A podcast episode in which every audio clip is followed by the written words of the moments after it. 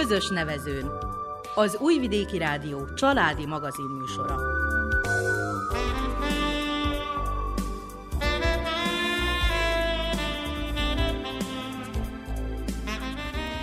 Tisztelettel köszöntjük a hallgatókat a mikrofonnál. Nánás Janikó. És Miklós Csongor. A keverőasztalnál Boris Gyuranin ügyeleteskedik a zenei tanácsadó Verica Poljákovics. Először is boldog új évet kívánunk a közös nevezőn minden kedves hallgatójának. A múlt héten válogatást sugároztunk a mögöttünk levő esztendő portré interjújaiból. Most a tematikus műsorokra tekintünk vissza, a teljesség igénye nélkül, egyfajta összegzés gyanánt. Tartsanak ma is velünk, sőt, az egész 2022-es évben is számítunk a figyelmükre.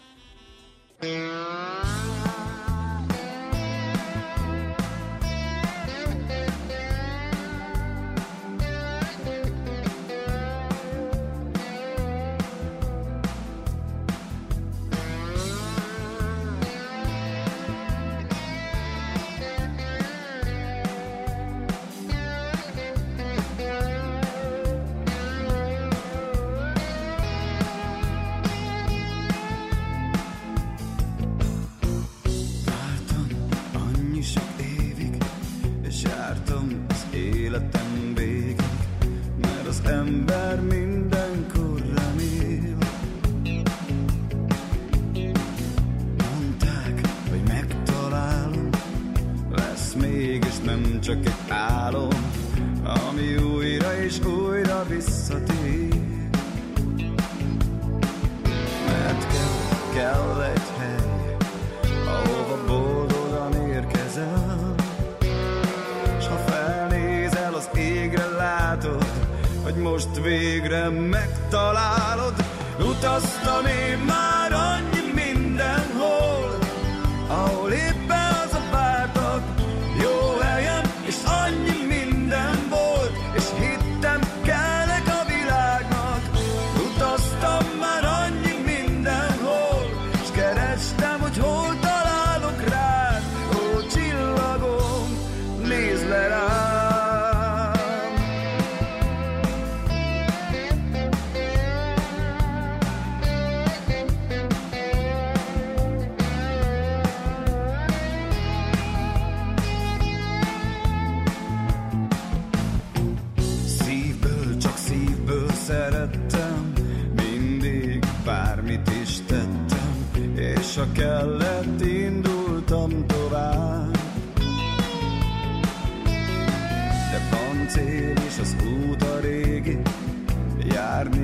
játszani végig, és keresni, hogyha kell egy életem át.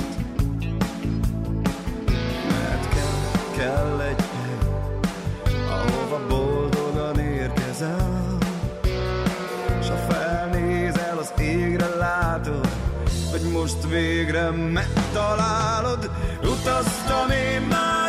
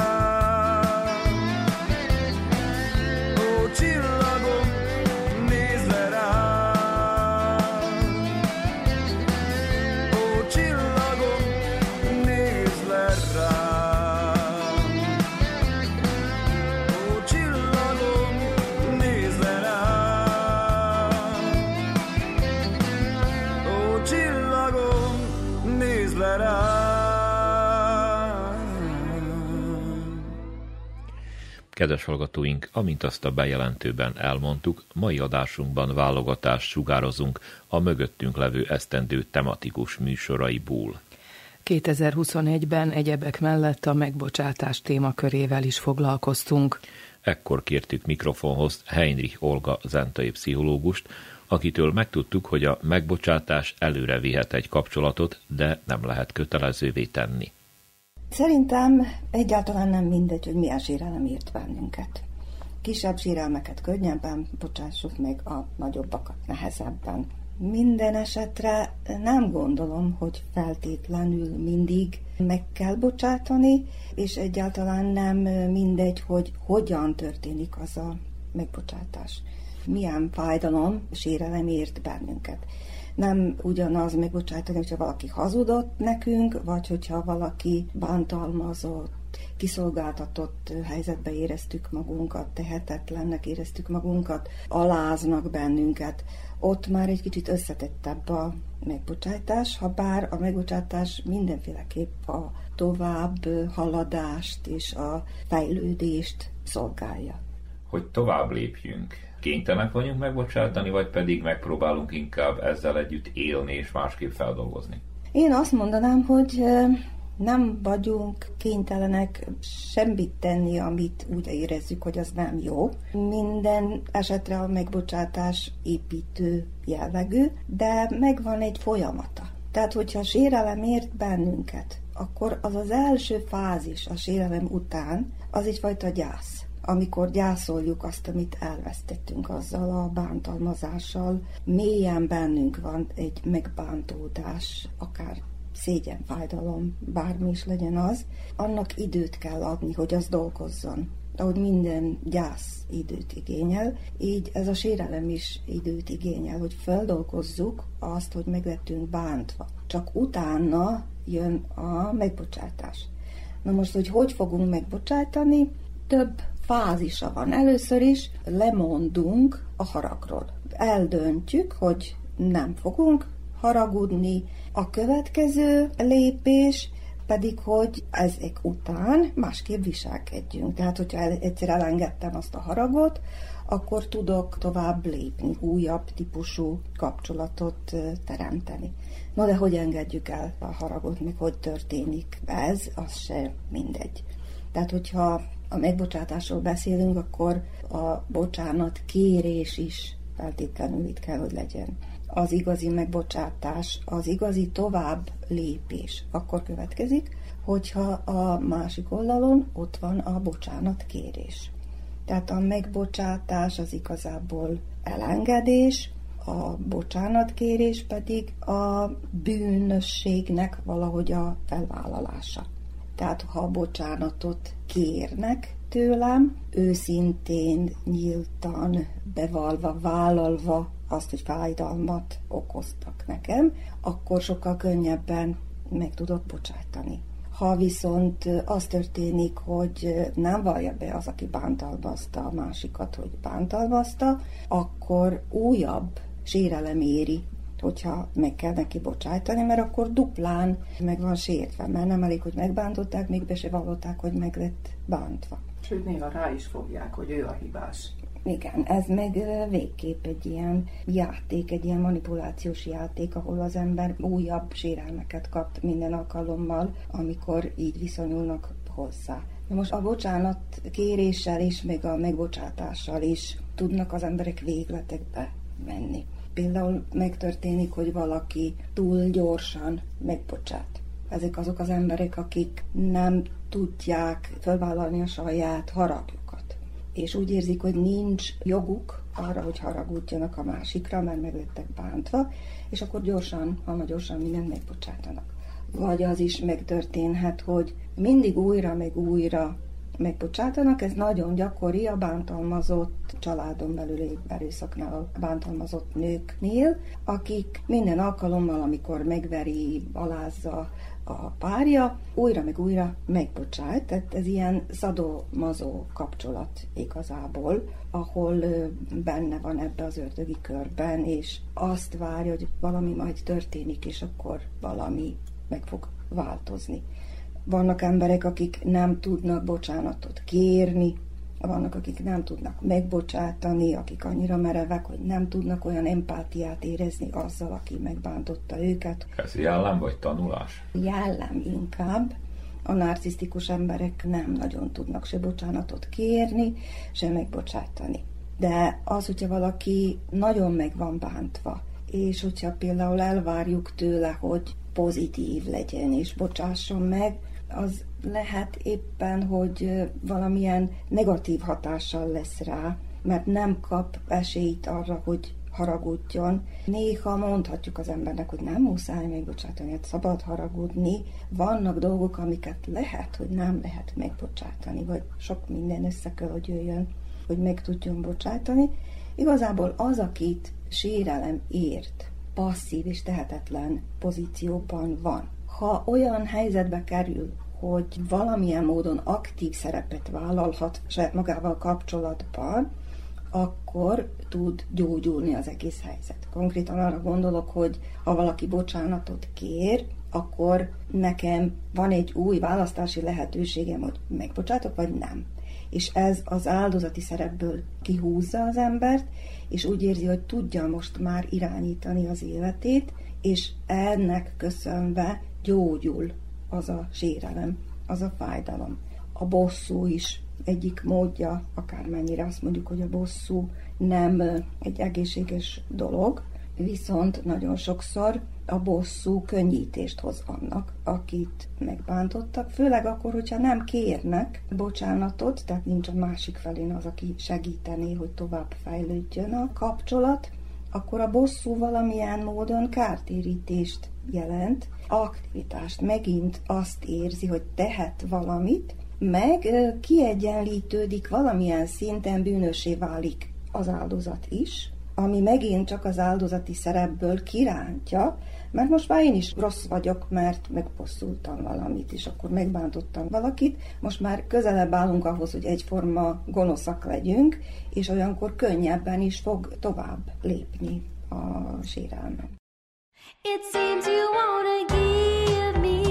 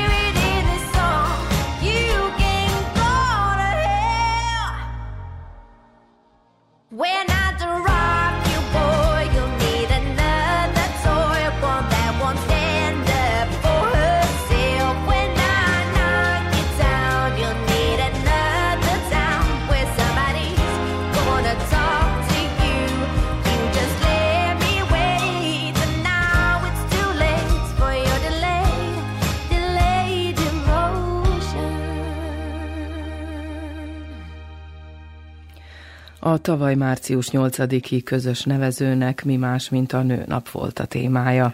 A sokak szerint elavult, közhelyes és mesterkélt ünnep kapcsán Rácz Krisztina kultúrantropológussal beszélgettünk.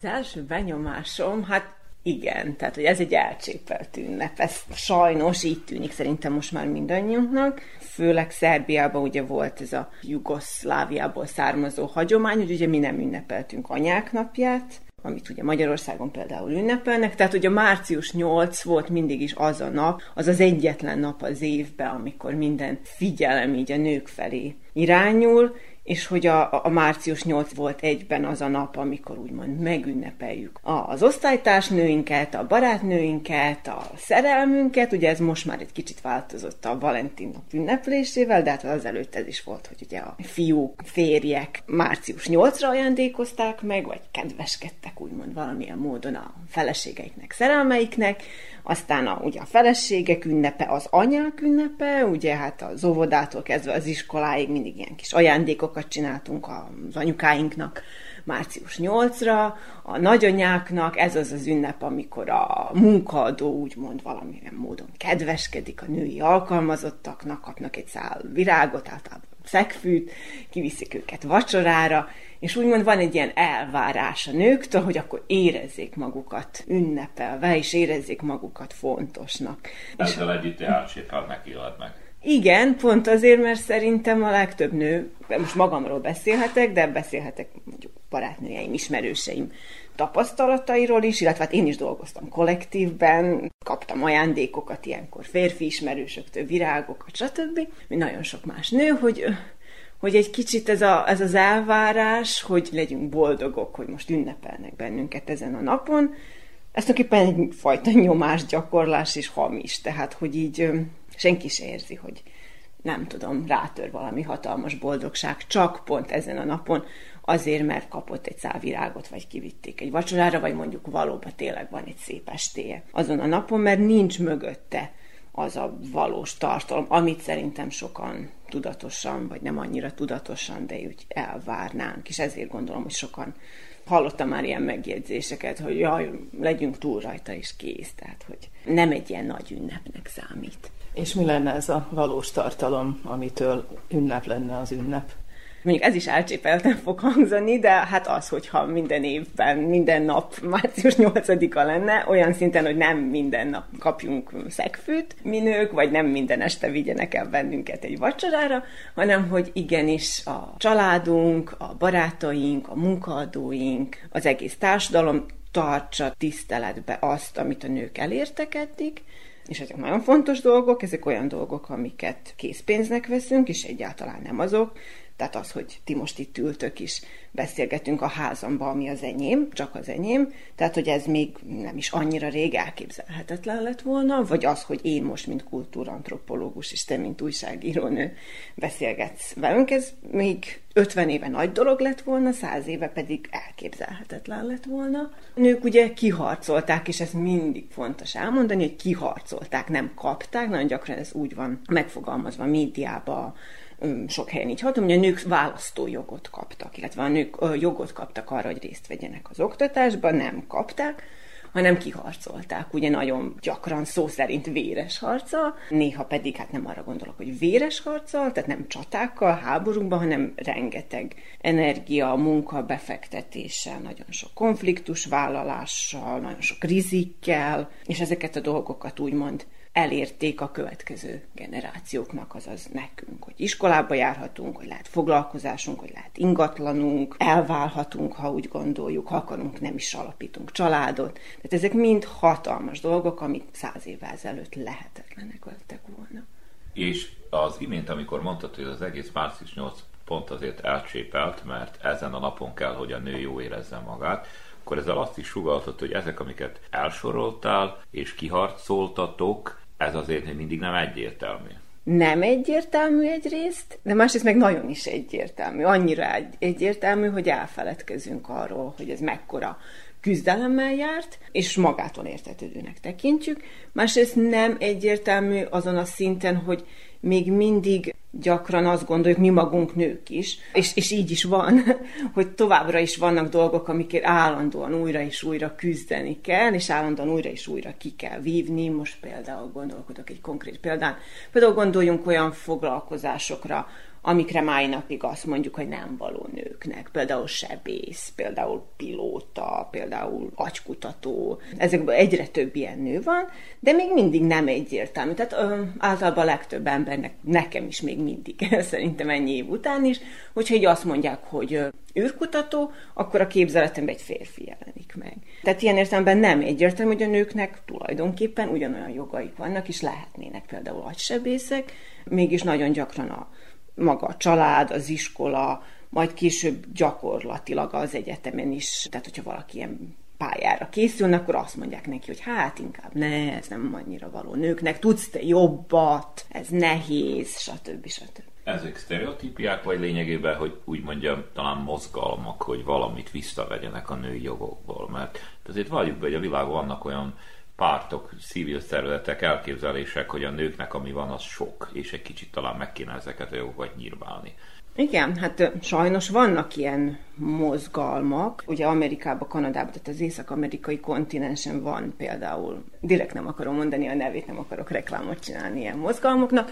Vannak olyan mozgalmak, amiknek hát gondolom 99%-ban férfiak a tagjai, akik azt gondolják, hogy igen, a nőknek túl sok joga van, és hogy ami szerintem még fontosabb ebben a gondolkodásmódba, az az a szörnyű tény, hogy nem csak hogy azt gondolják, hogy a nőknek túl sok joguk van, miközben hát ugye egyenlő joguk van a férfiaknak papíron, vagy egy kicsit kevesebb még mindig néha papíron, hanem az, hogy ezek a jogok, amik a, amikkel a nők rendelkeztek, amit a nők kiharcoltak maguknak, ezek úgymond a férfiak kárára mennek. És szerintem ez az a nagyon káros gondolkodásmód, amikor ezeket a dolgokat nem úgy látjuk, hogy mindenkinek egyformán jár, és mindenkinek egyformán kell, hogy legyen, hanem úgy, hogy ha valaki valamit kap, abból úgymond elvesz a másiktól.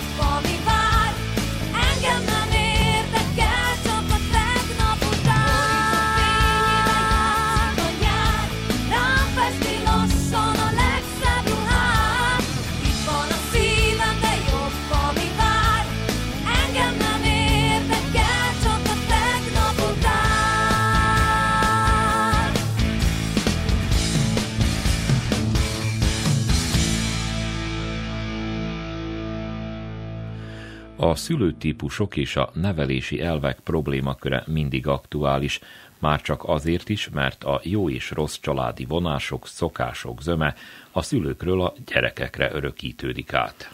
Erről Simonyi Fekete Gabriella Bács Fekete hegyi pszichológust kérdeztük. A nevelési stílusokat, hogyha hét nagy csoportba akarjuk sorolni, akkor ugye hallottunk már biztos a helikopter szülőkről, akkor ennek van egy ilyen lágyabb verziója is, ami a borostyán szülő kategóriát jelenti. Stipkovics Erika Szeretettel Sevezve című könyve adja meg ezeket a kategóriákat. Ez azért fontos mondani, mert hogy ő klinikai szakpszichológus, és a saját klinikumán keresztül alkotta meg azokat a kategóriákat, amiket sokan azóta is átvettek és használnak, ami azt jelenti, hogy ezek nem éles kategóriák, minden nevelői stílus között van enyhe átmenet. Ez a szülősítő kategória, az idomár, szuperszülő, üveghegy, agresszor, a bátorító, a mártérszülő, a szülő és a jófejszülő. Ezek közül mindegyikről érdemes beszélni, mert hogy mindegyik szülői stílusnak van egy-egy hátulütője igazából.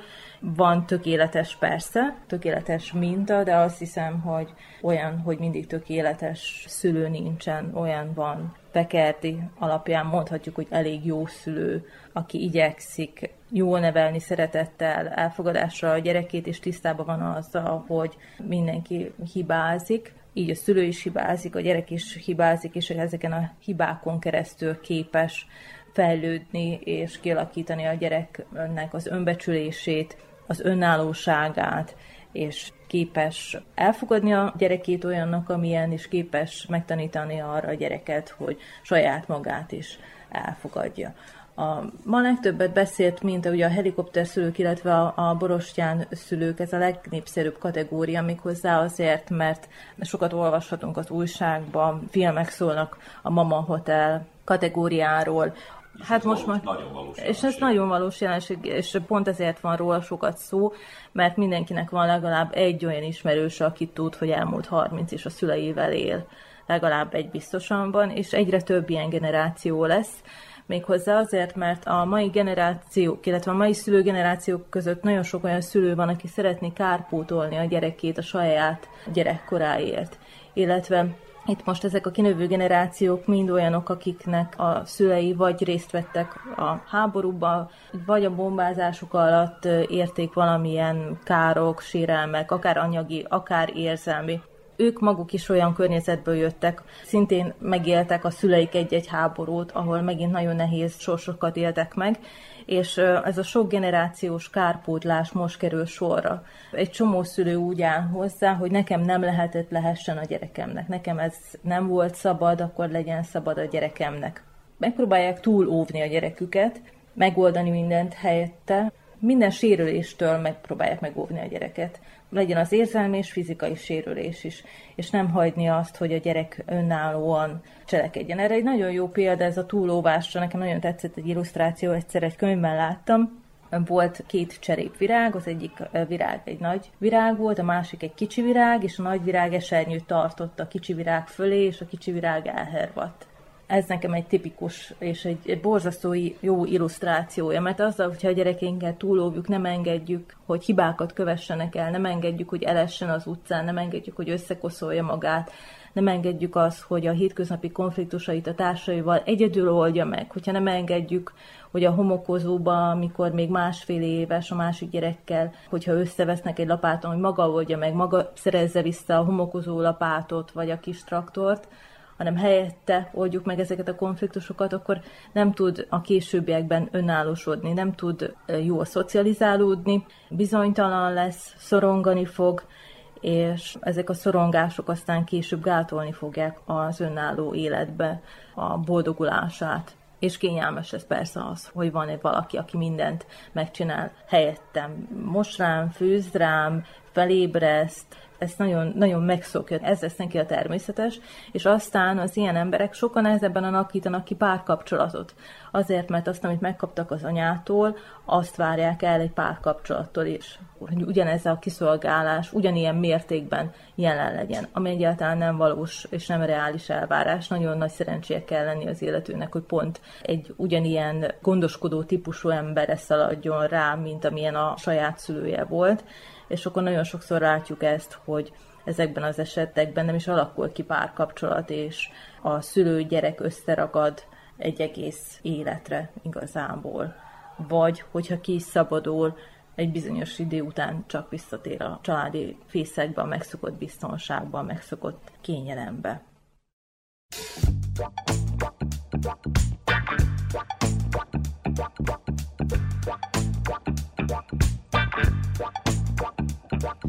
Vigyél messze május, vezessen a felé, szélvédő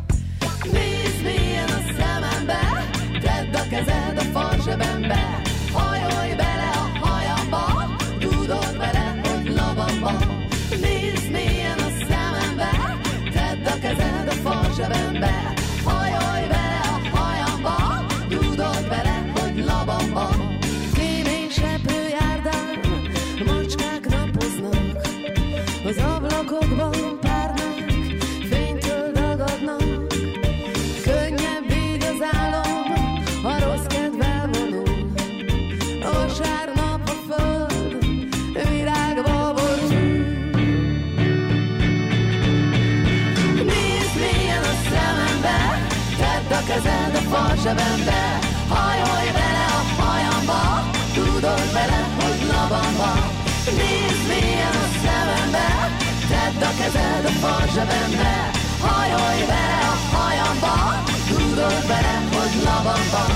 Nézd mélyen a szemembe, tedd a kezed a falzsebembe Hajolj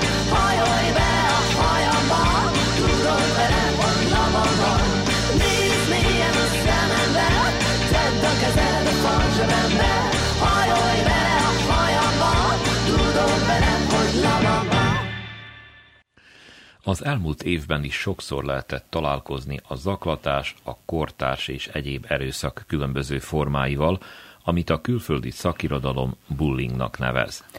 Évelei visszatekintésünkben erről Bori Mária, iskolapszichológus szól, akit Móricz Éva kért mikrofonhoz.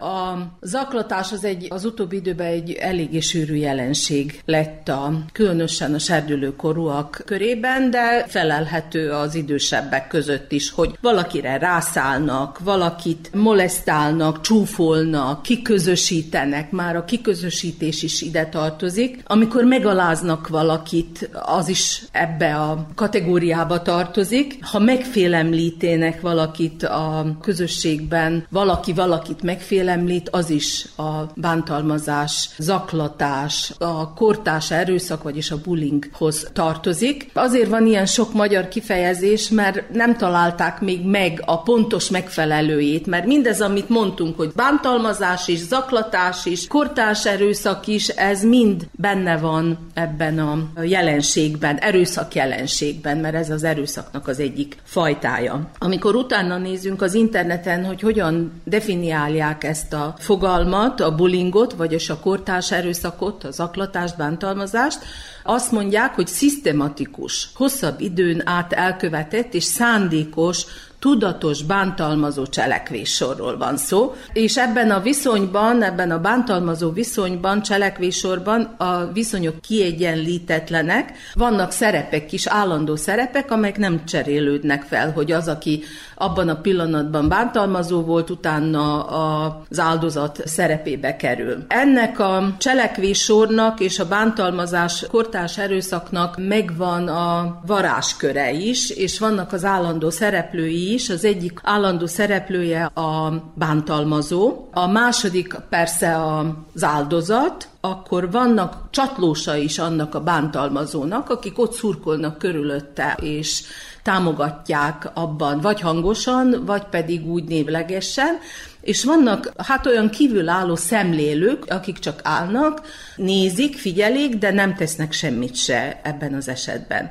És valójában a legtöbbet ezek a szemlélők tehetnek azért, hogy megszakadjon ez a varázskör, mert abban a pillanatban, amikor felszólalnak és azt mondják, hogy ezt ne csináljad, ne tegyed, ez nem jó dolog, amit csinálsz, vagy hagyd abba, akkor azzal már megszakad valamilyen módon a bántalmazási kör. És ezeket a szemlélőket kell megerősíteni abban a közösségnek, a pedagógusoknak, a szülőknek, hogy merjenek kiállni a másik mellett, és megvédeni a társát, mert sose tudni, hogy mi lesz, hogy lehet, hogy a következő alkalommal én leszek olyan helyzetben, és hogyha nem áll mellém senki se, akkor nagyon tehetetlenül érzi magát ilyenkor az ember. És az is egy jelenség ezzel a bullyinggal, bántalmazással, hogy vannak bántalmazottak, akik nem tudnak megbirkózni azzal, ami történt velük, vagy történik velük, és sajnos elvetik életüket, és öngyilkosságba kergetik őket. És ez világjelenség lett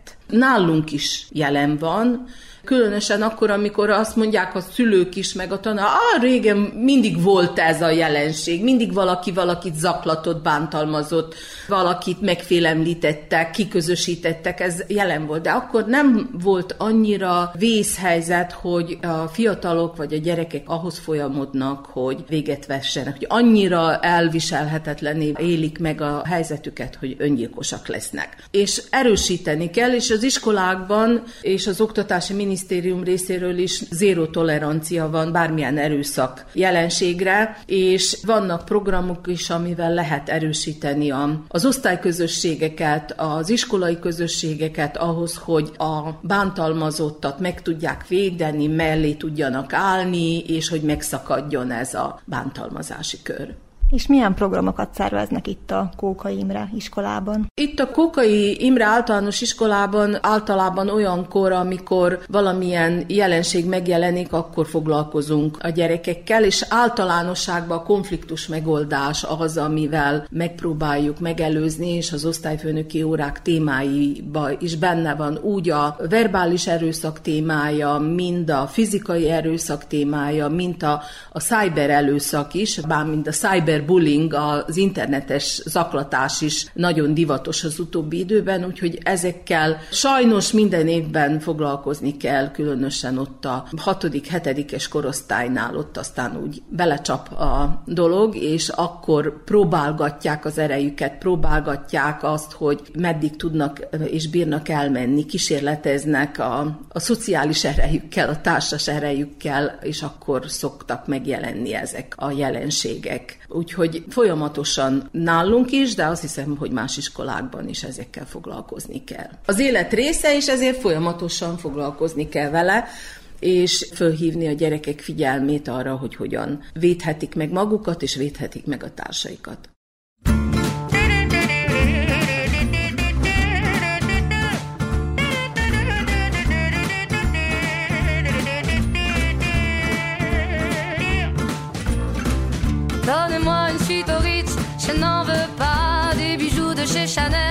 N'en veux pas. Donnez-moi une limousine, j'en ferai quoi Offrez-moi du personnel, j'en ferai quoi Un manoir à Neuchâtel, ce n'est pas pour moi. Offrez-moi la tour Eiffel, j'en ferai quoi Je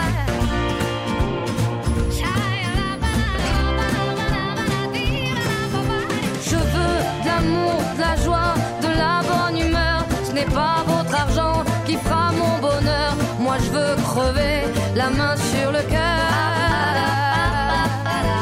Allons ensemble découvrir ma liberté. Oubliez donc tous vos clichés. Bienvenue dans ma réalité.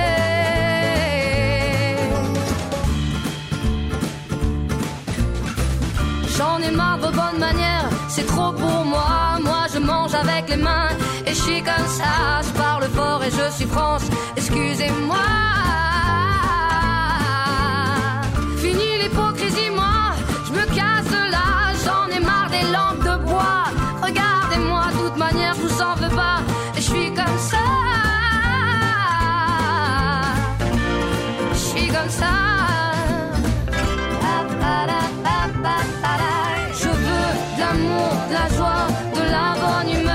N'est pas votre argent qui fera mon bonheur. Moi je veux crever la main sur le cœur.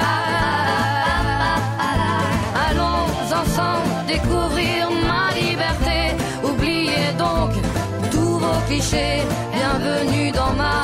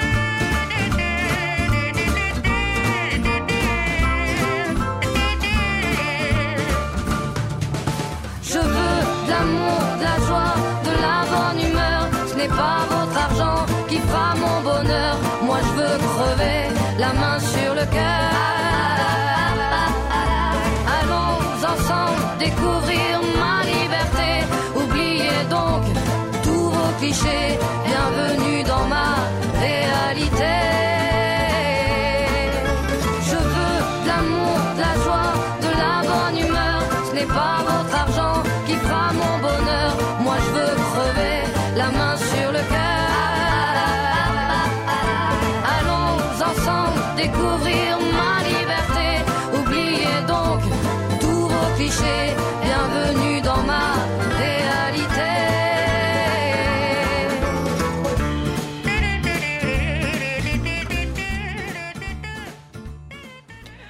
Tavaly is időszerű volt, és úgy tűnik, hogy az idén is aktuális lesz a munkahelyi kiégés, avagy a burnout témája. Ezt a sokakat érintő problémát, illetve jelenséget dr. Koleszár Borbála pszichiáter világítja meg. Maga a kiégési szindróma, ez tulajdonképpen egy fokozott érzelmi megterheltség, negatív stressz hatások következményeképpen létrejövő fizikai, mentális és érzelmi kimerültség. Tulajdonképpen ez lenne maga a legszűkebb definíciója, összefoglalása, hogy mit is jelent ez a burnout szindróma az, hogy tulajdonképpen ez hogy nyilvánul meg, sokkal összetettebb és komolyabb következményei vannak, mint egy egyszerű fáradtságnak. A burnout szindrómát azt mindig a munkahelyel hozzák kapcsolatba, tehát a munkahelyi elégedetlenség, illetve a munkahelyi viszonyok azok, amik hozzájárulnak a szindrómának a kialakulásához. Természetesen nem fog mindenkinél kialakulni egy ilyen szindróma, tehát az embereknek a toleranciája, a tűrőképessége különböző, rosszul van megfogalmazva, aki azt hiszi, hogy azok, akik gyengébbek, tulajdonképpen az érzékenyebb emberek, vagyis azok az emberek inkább, akiknek a kötelességérzetük magasabb szinten van, akik maximumot akarnak adni, ezt egy ideig lehet csinálni, de aztán amikor akár elismerés hiánya, akár a munkahelyi viszonyoknak a megromlása, akár a munkahelyi körülmények, illetve a lehetőségek a munkahelyen nem olyanok, ahogy egy ambíciózus személy elvárná, tulajdonképpen ez egy idő után egy frusztráltságot hoz létre, aminek előbb-utóbb az a következménye, hogy az embernek a munkabíró képessége is csökken, a koncentráció képesség csökken. Az ember egy idő után mechanikusan, kedv nélkül csinálja ezt a feladatát. A kiégési szindrómának több fázisa van.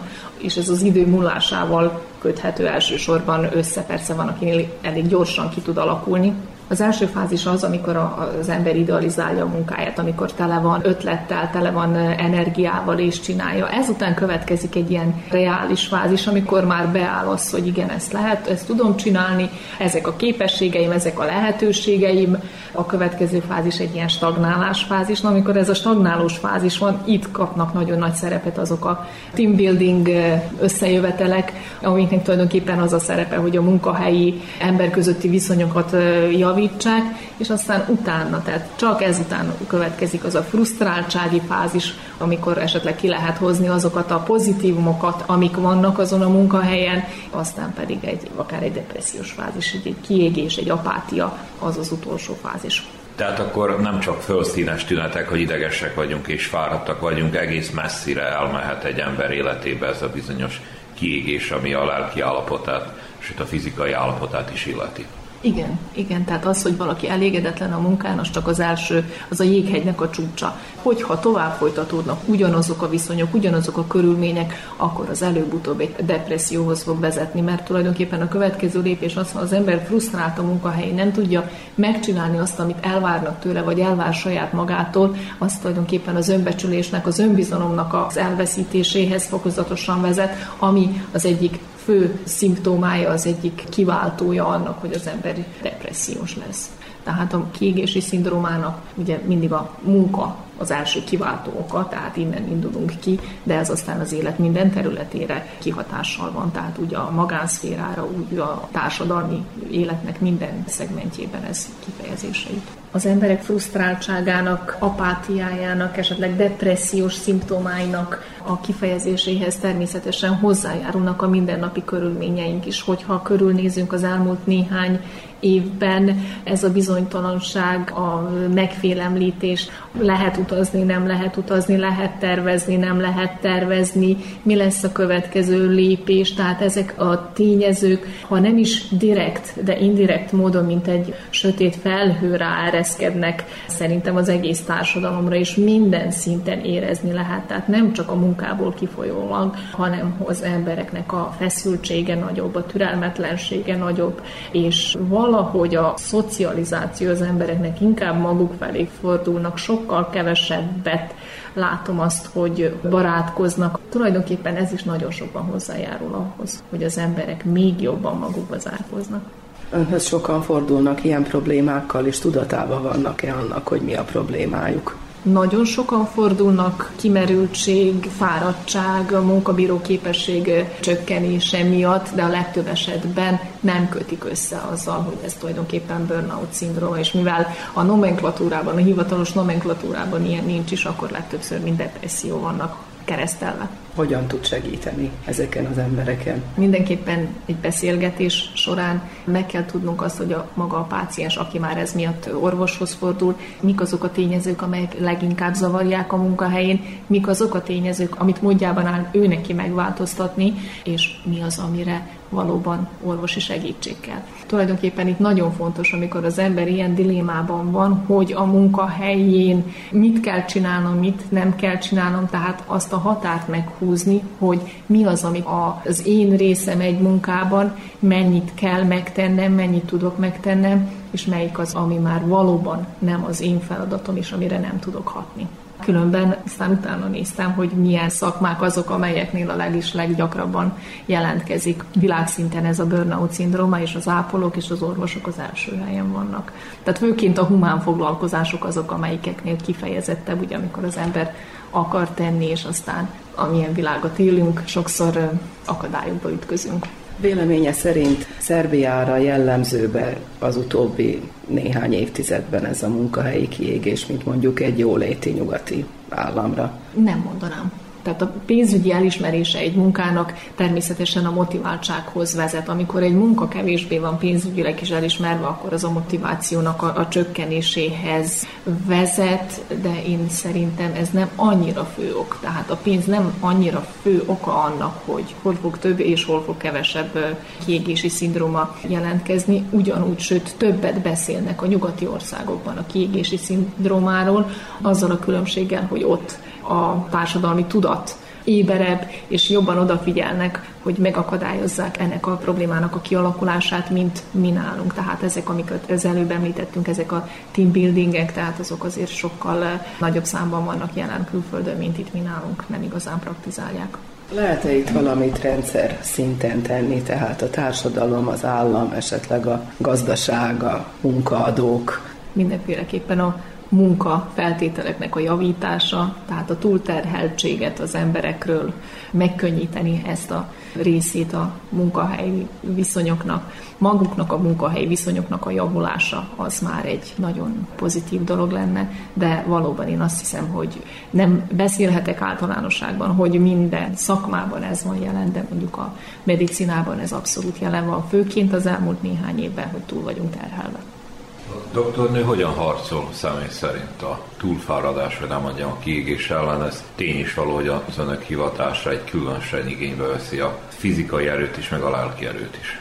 A mi szakmánkban meg kell tanulni meghúzni a határt, és ez nagyon fontos. Nagyon fontos érezni azt, hogy meddig megy el az én hatásköröm, és mi esik túl az én hatáskörömön. Tehát ha a páciens bent van a rendelőbe, akkor száz százalékig az övé vagyok, amikor kimegy, vagy amikor én kimegyek a kórházból, akkor tovább nem gondolkodom ezen a problémán. Ez nem jön magától, természetesen ezt be kell gyakorolni az embernek. Nem mondhatom ezt, hogy személyesen nem volt ilyen tapasztalatom, hogy otthonról is azon gondolkodtam, hogy na most akkor hogy lehetne ennek a páciensnek a problémáját megoldani, akár magánéleti problémákról is volt szó, amíg aztán rá nem jöttem, hogy ezen én nem tudok segíteni. Tehát a mi dolgunk az tulajdonképpen, hogy a pácienst képessé tegyük arra, hogy megoldja saját problémáit, de nem tudjuk mi megoldani az ő problémáit. És amikor ez, ez a határt meg tudjuk húzni, onnantól azért eléggé védettek leszünk a kiégési szindrómától.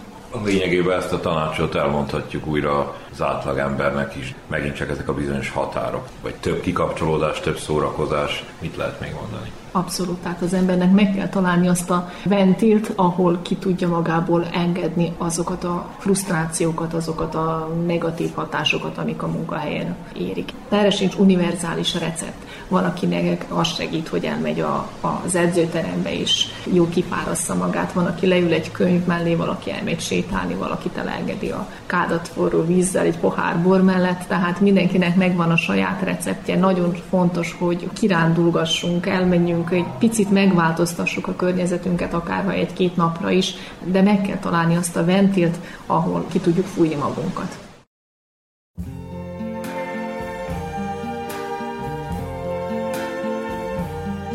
I see trees of green, red roses too. I see them bloom for me and you. And I think to myself, what a wonderful world.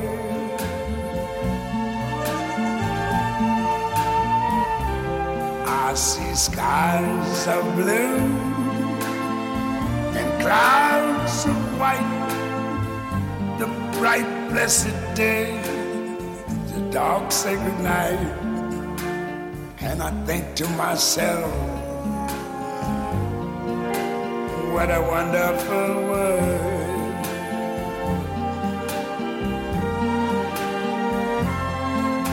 The colors of the rainbow, so pretty in the sky, are also on the faces of people going by.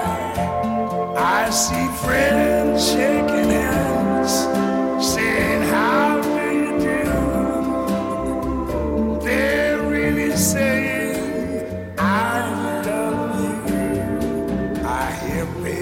cry. I watch them grow.